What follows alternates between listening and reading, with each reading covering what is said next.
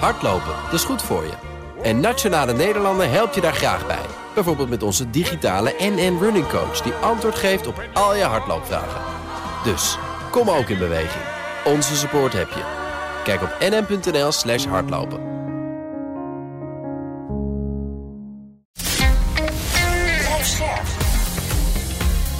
BNR Nieuwsradio. Boekenstein en de Wijk. Paul van Liemt. Welkom bij Boekenstein en de Wijk. Het is woensdag dag 574 van de oorlog in Oekraïne. Hugo nog eventjes, uh, welverdiende vakantie. Maar wie zijn er wel? Uiteraard Arend Jan Boekenstein en Rob de Wijk. Dag heren. Ja, goeiedag.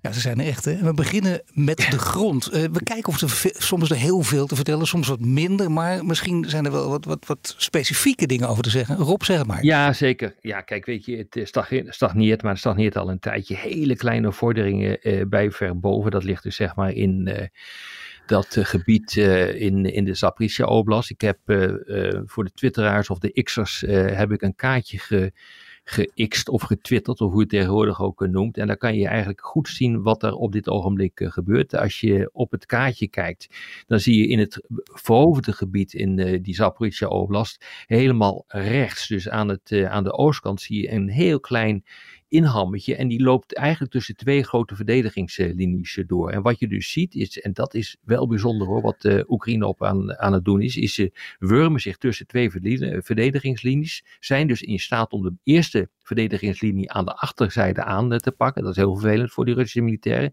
En die andere, dat zijn ook nog waarschijnlijk mijnenvelden, moeten ze s'nachts uh, proberen te doorklieven. Maar wat je nu ziet op dit ogenblik, uh, en dat vind ik eigenlijk het, uh, het meest bijzondere, is dat er een, een, een, een, ik bespeur een omslag in de analyses. En ook in een omslag in de toon. Er wordt gezegd van oké, wat dat nu blijkt, met name in die Zaporizhia Oblast, is dat uh, Oekraïne een veel betere gevechtscoördinatie heeft dan de Russen. De artillerie is veel beter op orde. Uh, elektronische oorlogsvoering is beter op orde. Moreel, ja. de cohesie van het optreden uh, werkt uh, beter. En wat het resultaat daarvan is, is dat um, de afgelopen weken, maanden, mogelijk tot drie brigades echt gevechtsonklaar zijn gemaakt. en dat is denk ik toch wel heel erg belangrijk wat je op dit ogenblik ziet. Dus dat is een beetje een positief geluid erop. Ja, ja, dit is positief, ja. Maar ik, ik ja. heb een wat, wat minder positief geluid gehoord. Ik weet niet of jullie dat gezien hebben. Dat, het, het, is ook, het heeft ook met interpretatie te maken. Christiane Amanpour, ja. uh, wijd en zij bekend natuurlijk nog steeds. Haar vaste uur op CNN. Veel mensen kijken daarnaar. Invloedrijk, dus Jens Stoltenberg gaat daar zitten. Die zat daar deze week. Die zat daar gisteren. En die zei toen, die oorlog gaat lang duren. En je merkte, hij kreeg de tijd van haar. Het was echt een, dat leek een, een E2'tje, een voorbereide boodschap. En hij zei, kijk, die oorlog gaat lang duren. Daar, daar heeft Poetin heel veel aan. Maar hij moet niet denken dat hij het op tijd kan gaan winnen. En we moeten daar een statement gaan maken. We moeten eraan denken dat we dat gaan doen. Wat, wat moeten we daarvan denken? Ja, dat is natuurlijk wel zo. Kijk, wat ik net heb gezegd, dat zijn hele kleine vorderingen. Want ik ben ook begonnen te zeggen van alles stagneert op dit, dit ogenblik. En natuurlijk ja, is er een zekere mate van opmars geweest. Hè? De inname van uh, Klishkivka en Andrivka hebben we, hebben we al uitgebreid gesproken uh, tijdens de vorige afleveringen. Uh, het, het, aantal slachtoffers aan Russische kant is ook groot, mogelijk gewoon 300 per dag, zeker in die Zaporizhia Oblast. Maar ja, die, die vorderingen zijn, gaan niet hard, dat kan ook niet.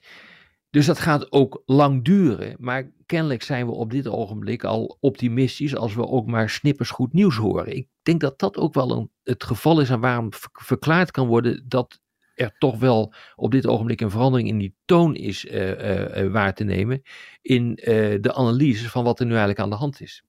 Ja, nou ja, goed, het viel me wel op dat, dat Stoltenberg het dan belangrijk vindt om daar gewoon echt een statement te maken. Want ja, wat, wat Poetin gaat. Zoveel analyses wijzen erop, die horen jullie ook steeds. Ja, mm. Poetin gaat winnen, want let maar op, uh, nou ja, alle argumenten kennen we. Hoe langer het duurt, hoe beter het voor hem is. Wij moeten iets gaan bedenken. Klinkt ja, maar goed, er zit ook een hoop desinformatie bij hoor. Als ik gewoon op X ja. kijk, uh, dan zijn er heel veel mensen die roepen dat soort uh, dingen. Maar als je dus even gaat kijken waar dat waarschijnlijk vandaan komt. Ja, dan komt heel veel van dat speel toch uit verdachte bronnen, hoor, moet ik, moet ik zeggen.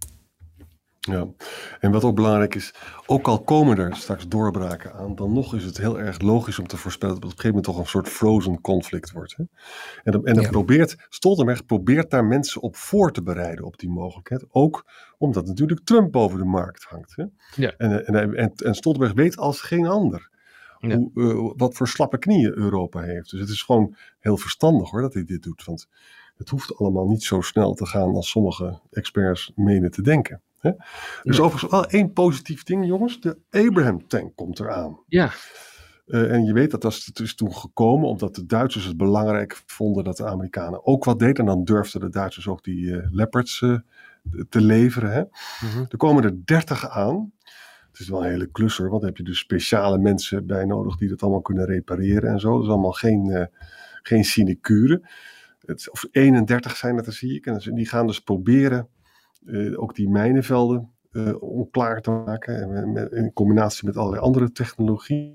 Het zal geen gamechanger zijn, zeggen mensen, maar het helpt alle beetjes helpen. Hè? Dat is natuurlijk ja, het verhaal. ja. Ja, nou ja, gamechangers zijn er niet echt in deze oorlog. Ik denk dat Mm. echt het, het bepalende systeem is wel de drone eh, geweest. Om eh, waarnemingen te doen, maar ook om eh, aanvallen uit te, te voeren. Maar echte gamechangers hebben we tot nu, tot nu toe Nou, eh, nog misschien, niet. ja, ik, ik durf Ja, het haast het niet hier te roepen in dit gezelschap. Maar wij gaan, Ja, daar gaan we morgen uitgebreider over praten. En dan gaan we het over de Krim hebben. En daar Ja, is wel zeker. iets en over Ja. te vertellen. Dat zou, game change is inderdaad een heel groot woord. maar wie weet. Als de Krim wordt ingenomen, dat is een gamechanger. Absoluut. Maar het is niet zo eenvoudig om de Krim. Maar daar gaan we dat morgen wel. Nee, nee, gaan we morgen over hebben? nee. Ja, want ik Ja, wil nog iets, over die Aart-Jan, tanks, de jongens. drones heb ik jou nog niet over gehoord. Ja, dat ga ik zo doen, maar even de tanks om het af te maken, om voor de context. Hè. Oekraïne vroeg om tenminste 300 tanks hè, van het Westen en heeft eigenlijk maar 150 ontvangen. Dat is wel goed voor de context even. Hè. Bedenk ook dat Rusland, die kan er 200 tanks per jaar maken. Hè. Dus ook dit soort dingen, daar word ik niet helemaal eh, optimistisch van. Ja, ze hebben nog een hoop hoor. Want die Ja. Russen hebben namelijk de onhebbelijkheid om niks weg te gooien. Ja. Eh, en eh, dat doen wij wel. Hè? Dus als we geen tanks meer nodig hebben, dan eh, gooien we dat allemaal weg. Of we verkopen het of we verschotten het. Maar eh, de Russen doen dat niet. Dus die hebben ook een hele hoop oud materieel nog in, eh, in voorraad. Dus ze hebben eindeloze voorraden hoor. Wat Ja, daar zijn ze ook extra bang voor natuurlijk aan de Oekraïnse Ja, kant elke exact. keer. Dat Ja, is het ja, ook. zeker. Gewoon Ja. Oké, even de, de, de kogels en de raketten op de grond. Hè. Eh, in Lviv, dat is in het westen, daar is dus een droneaanval geweest. En ook een groot vuur is daar ontstaan. Ja. Ik weet niet of daar mensen bij zijn omgekomen, maar dat is natuurlijk wel. Rusland laat dus zien dat ze in alle uithoeken van Oekraïne nog steeds ellende kunnen aanrichten. Hè. Wat ook belangrijk is, jongens, is de grootste olieraffinaderij in Oekraïne staat in centraal Oekraïne. Die is al eerder aangevallen. Die staat in het plaatsje Kremenchuk. Nou, de, de Oekraïnse luchtafweer heeft sommige projectielen neergehaald, staat er. Maar er zijn er dus wel doorgekomen. Er is nu een groot vuur. Er zijn geen slachtoffers. Maar ja, het is natuurlijk niet prettig als je. eh, het raffineren is dus nu wel eventjes gestopt. Ja. En Nou, over, over, over dit soort aanvallen gesproken, hebben jullie gezien dat er in de New York Times een, eh, een hele reconstructie stond Ja. van een raketaanval op Kon, eh, Kostianivka Ja, dat is heel opvallend. Ja. eh, in het oosten. Ik zal ongetwijfeld die, eh, eh, die naam verkeerd uitspreken. Daar ben ik niet zo goed in, dat weet ik. Maar eh, wat daar gebeurde is dat dus de New York Times zegt van dat is geen Russische aanval geweest, maar dat is een afzwaaier van van Oekraïne. Van. Oekraïne geweest. En dat is eh, vermoedelijk eh, een zogenaamde 9M38 raket geweest, eh, die vanaf een Buk luchtdoelplatform is, eh, is afgesproken, afgeschoten. Eh, dat is dus eh, nog niet zo lang geleden is dat eh, gebeurd. Maar kijk, afzwaaiers gebeuren. Hè. Dit soort dingen gebeuren in een oorlog. Dit heeft wel helaas geleid tot een van de grootste rampen wat dat betreft in, eh, de, eh, in de, de oorlog tot nu toe. 15 doden, 30 eh, gewonden. Ehm, maar wat we hier toch wel even moeten constateren is dat de New York Times hier diep op ingaat. Die zitten Ja. tot het bodem toe uit te zoeken. En er is Ja. ontzettend veel eh, gedoe altijd over de mainstream media. Maar die doen dit toch maar wel. Hè? Dit is dus geen propaganda. Nee, daarom. Ja. Over verandering in toon gesproken, waar wij eigenlijk mee Ja. begonnen. Dan, dan denk je hier ook, dat is een correctie vanuit Amerika. Inderdaad, vanuit die, die mainstream media die er op X voortdurend van langs krijgen. Maar dit is, Ja. dit is keihard. Eh, Kijk eens even, Vind ik goed, Oekraïne. hoor. Vind ik goed? Ja, vind ik ook heel goed. Ja. Ja. Nou, er is ook een ingewikkeld verhaal te vertellen over die schepen, weet je wel, die van Oekraïne dan gaan eh, naar het, via de Donau. En als ik het goed begrepen heb, maar corrigeer me maar als ik het niet goed zie, zijn er dus twee schepen. Het eerste scheep uh, is dus uh, gisteren is het eerste graanschip hè, dat de, de, de, Zwarte Zee gebruikt om naar, de, uh, zeg maar naar die Donau te gaan. Hè. Dat gaat allemaal goed. Maar er is, vanmiddag is er een explosie geweest van een schip voor de kust van Roemenië. Wat dat schip vervoert, weet ik niet. En die, en, de, en de explosie was zo erg dat mensen denken van het is of de machinekamer of het is een mijn. Hè? En, de, en, de, en, de, en de bemanning is dus uh, gewoon gered. En ook naar het Roemeen, uh, Roemeense havenstadje Sulina gebracht. Hè? En nu wordt het allemaal onderzocht natuurlijk. Ja, ik, ik vind het allemaal niet uh, geweldig. Want ja, we hoopten dus een beetje dat Oekraïne in staat zou zijn om dat graan weg te krijgen. Ik weet trouwens ook helemaal niet of die graan in zat. Hè? Ja. Maar er zijn dus allemaal ontwikkelingen. Die, misschien weten we morgen meer. Maar het is nogal wat. Ja, want er is dus wel één schip goed uh, weggekomen. Ja, uh, ja, En die is dus echt helemaal langs de kust gevaren. Ja. Uh, de kust van, van Roemenië, Bulgarije. En die is dus wel door die zogenaamde humanitaire corridor die Zelensky heeft ingericht. Ja, is die als, als eerste weggevaren met de ladingen. Dat, ja, dat is toch wel bijzonder, hoor, moet ik zeggen.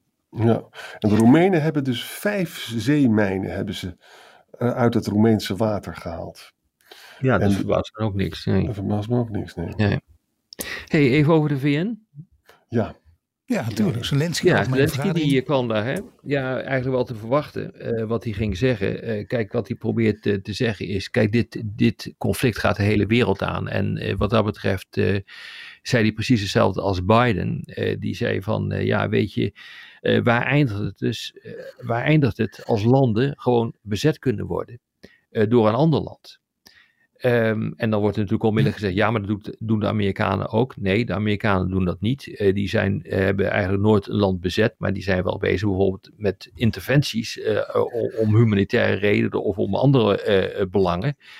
ook niet goed in heel veel gevallen, vind ik. Maar dit is toch echt van een andere orde, want hier gaat het echt gewoon om landje pikken en het innemen van een heel land. En dat, dat is echt niet meer van deze tijd, om maar zo te zeggen. Statistisch gezien komen dit soort ja, operaties, dit soort oorlogen buitengewoon uh, ja, uh, ja, weinig voor. Uh, dus uh, ik, ik denk dat hij daar wel een goed punt heeft gemaakt, die, die Zelensky. Zeker. Zelensky is ontzettend slim. Hij, hij verpakt dus een eigen belang Oekraïne in een algemeen belang. Hij zegt de ja. wereld wordt als geheel onveiliger als we dit soort dingen toestaan. Ja. Daar heeft hij natuurlijk hartstikke gelijk in. Hè? Wat ik wel treurig vond, Rob, is dat Macron was er niet. Sunak was er niet. Xi was er niet. Uh, uh, Poetin zelf natuurlijk niet. Nee, alleen Biden. Ja. ja. Dus je ziet hier ook een beetje de, de devaluatie van de VN eigenlijk. En dat zien we natuurlijk ja, al daar heb je gelijk decennia in. lang. Ja, het is toch een beetje treurig wat daar gebeurt. Ja. Maar, ja, maar nogmaals, groot respect voor Zelensky. Hoor. Jongen, wat die man toch allemaal doet. Vind je niet? Ja, dat vind ik, uh, dat vind ik ook, ja. Ja. Maar die VN, wel, uh, dat, nou is, ja, dat kijk, is wel een mooi puntje toch? Hè? Niks, dat telt gewoon niet meer mee. Dat zeg ik nu een beetje overdreven. Maar steeds minder is dat al jaren gaan. Nee, toch? je kan gewoon niet meer... Uh, je hebt het over Poetin.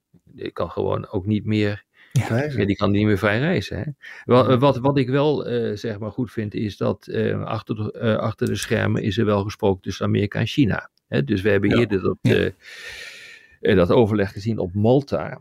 Uh, tussen de Amerikanen en de Chinezen. Maar nu heeft uh, China's vicepresident Hang Zheng uh, gepraat met Blinken, hè, de minister van Buitenlandse Zaken. En dat is op zich is dat natuurlijk gewoon goed. Hè? Dus ja. hiervoor, dagen hiervoor, heeft Sullivan gesproken met zijn counterpart in, dus dat is de veiligheidsvoorzitter, met zijn counterpart Wang in, in China. Dus het is wel goed.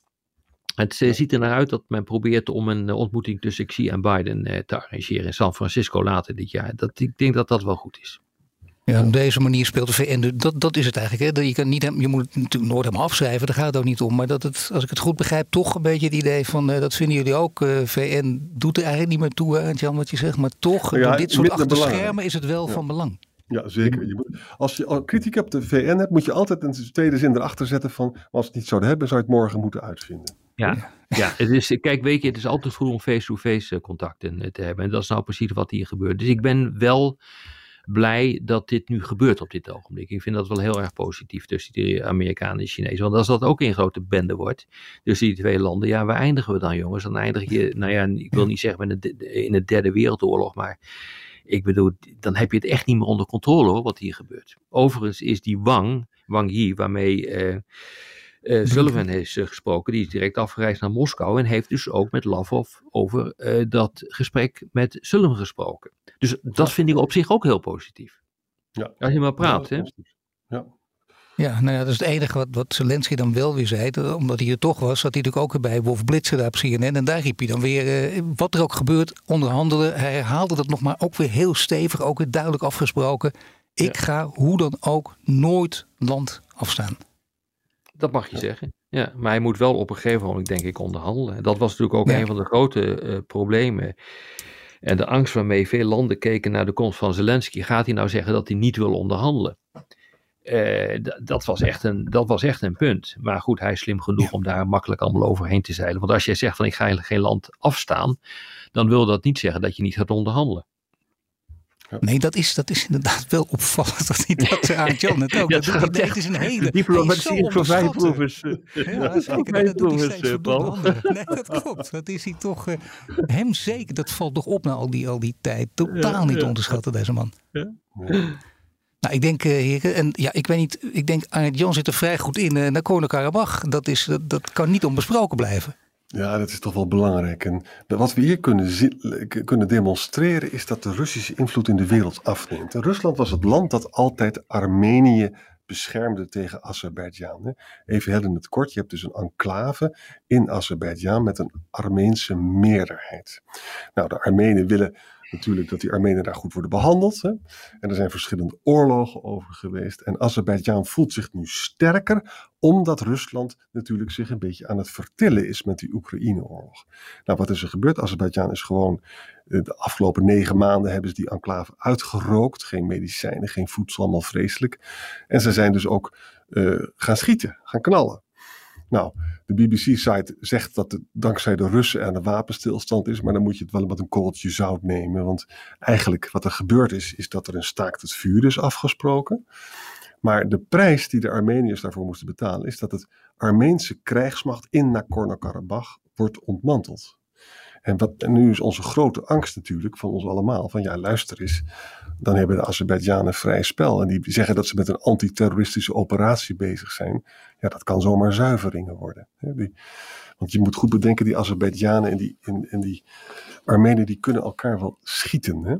Mhm. Dus je ziet hier dus ook weer het machtsverval van Rusland. Je ziet dat de wereld uh, onrustiger wordt, omdat die ijzeren hand van, van uh, Poetin gewoon minder sterk wordt, omdat het land zich vertilt in de Oekraïne. Ja.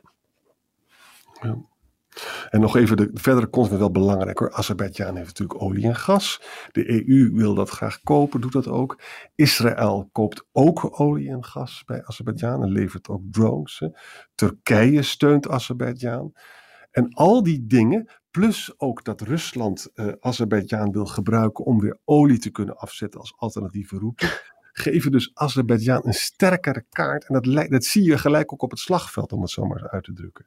Nou ja, goed. De Europese Unie is toch zeer geïnteresseerd in de energie die uit Azerbeidzjan ja, komt. Absoluut. Nee, weet je, ja, en je kunt toch nou niet zeggen dat uh, Azerbeidzjan hier een onbeschreven blad is in de hele kwestie in Nagorno-Karabakh.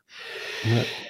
Uh, dus je kunt ook, uh, je lijkt me weer uit dat je niet altijd kieskeurig zijn, kan zijn als je geen gas en olie meer afneemt uh, uit Rusland met andere afnemers. Oh man, ik denk dat dit voor vandaag genoeg is. En morgen dan gaan we over een mogelijke gamechanger praten. Voor nu bedankt. Tot morgen. Tot, Tot morgen. Hardlopen, dat is goed voor je. En Nationale Nederlanden helpt je daar graag bij. Bijvoorbeeld met onze digitale NN Running Coach... die antwoord geeft op al je hardloopvragen. Dus... Kom ook in beweging. Onze support heb je. Kijk op nm.nl slash hardlopen.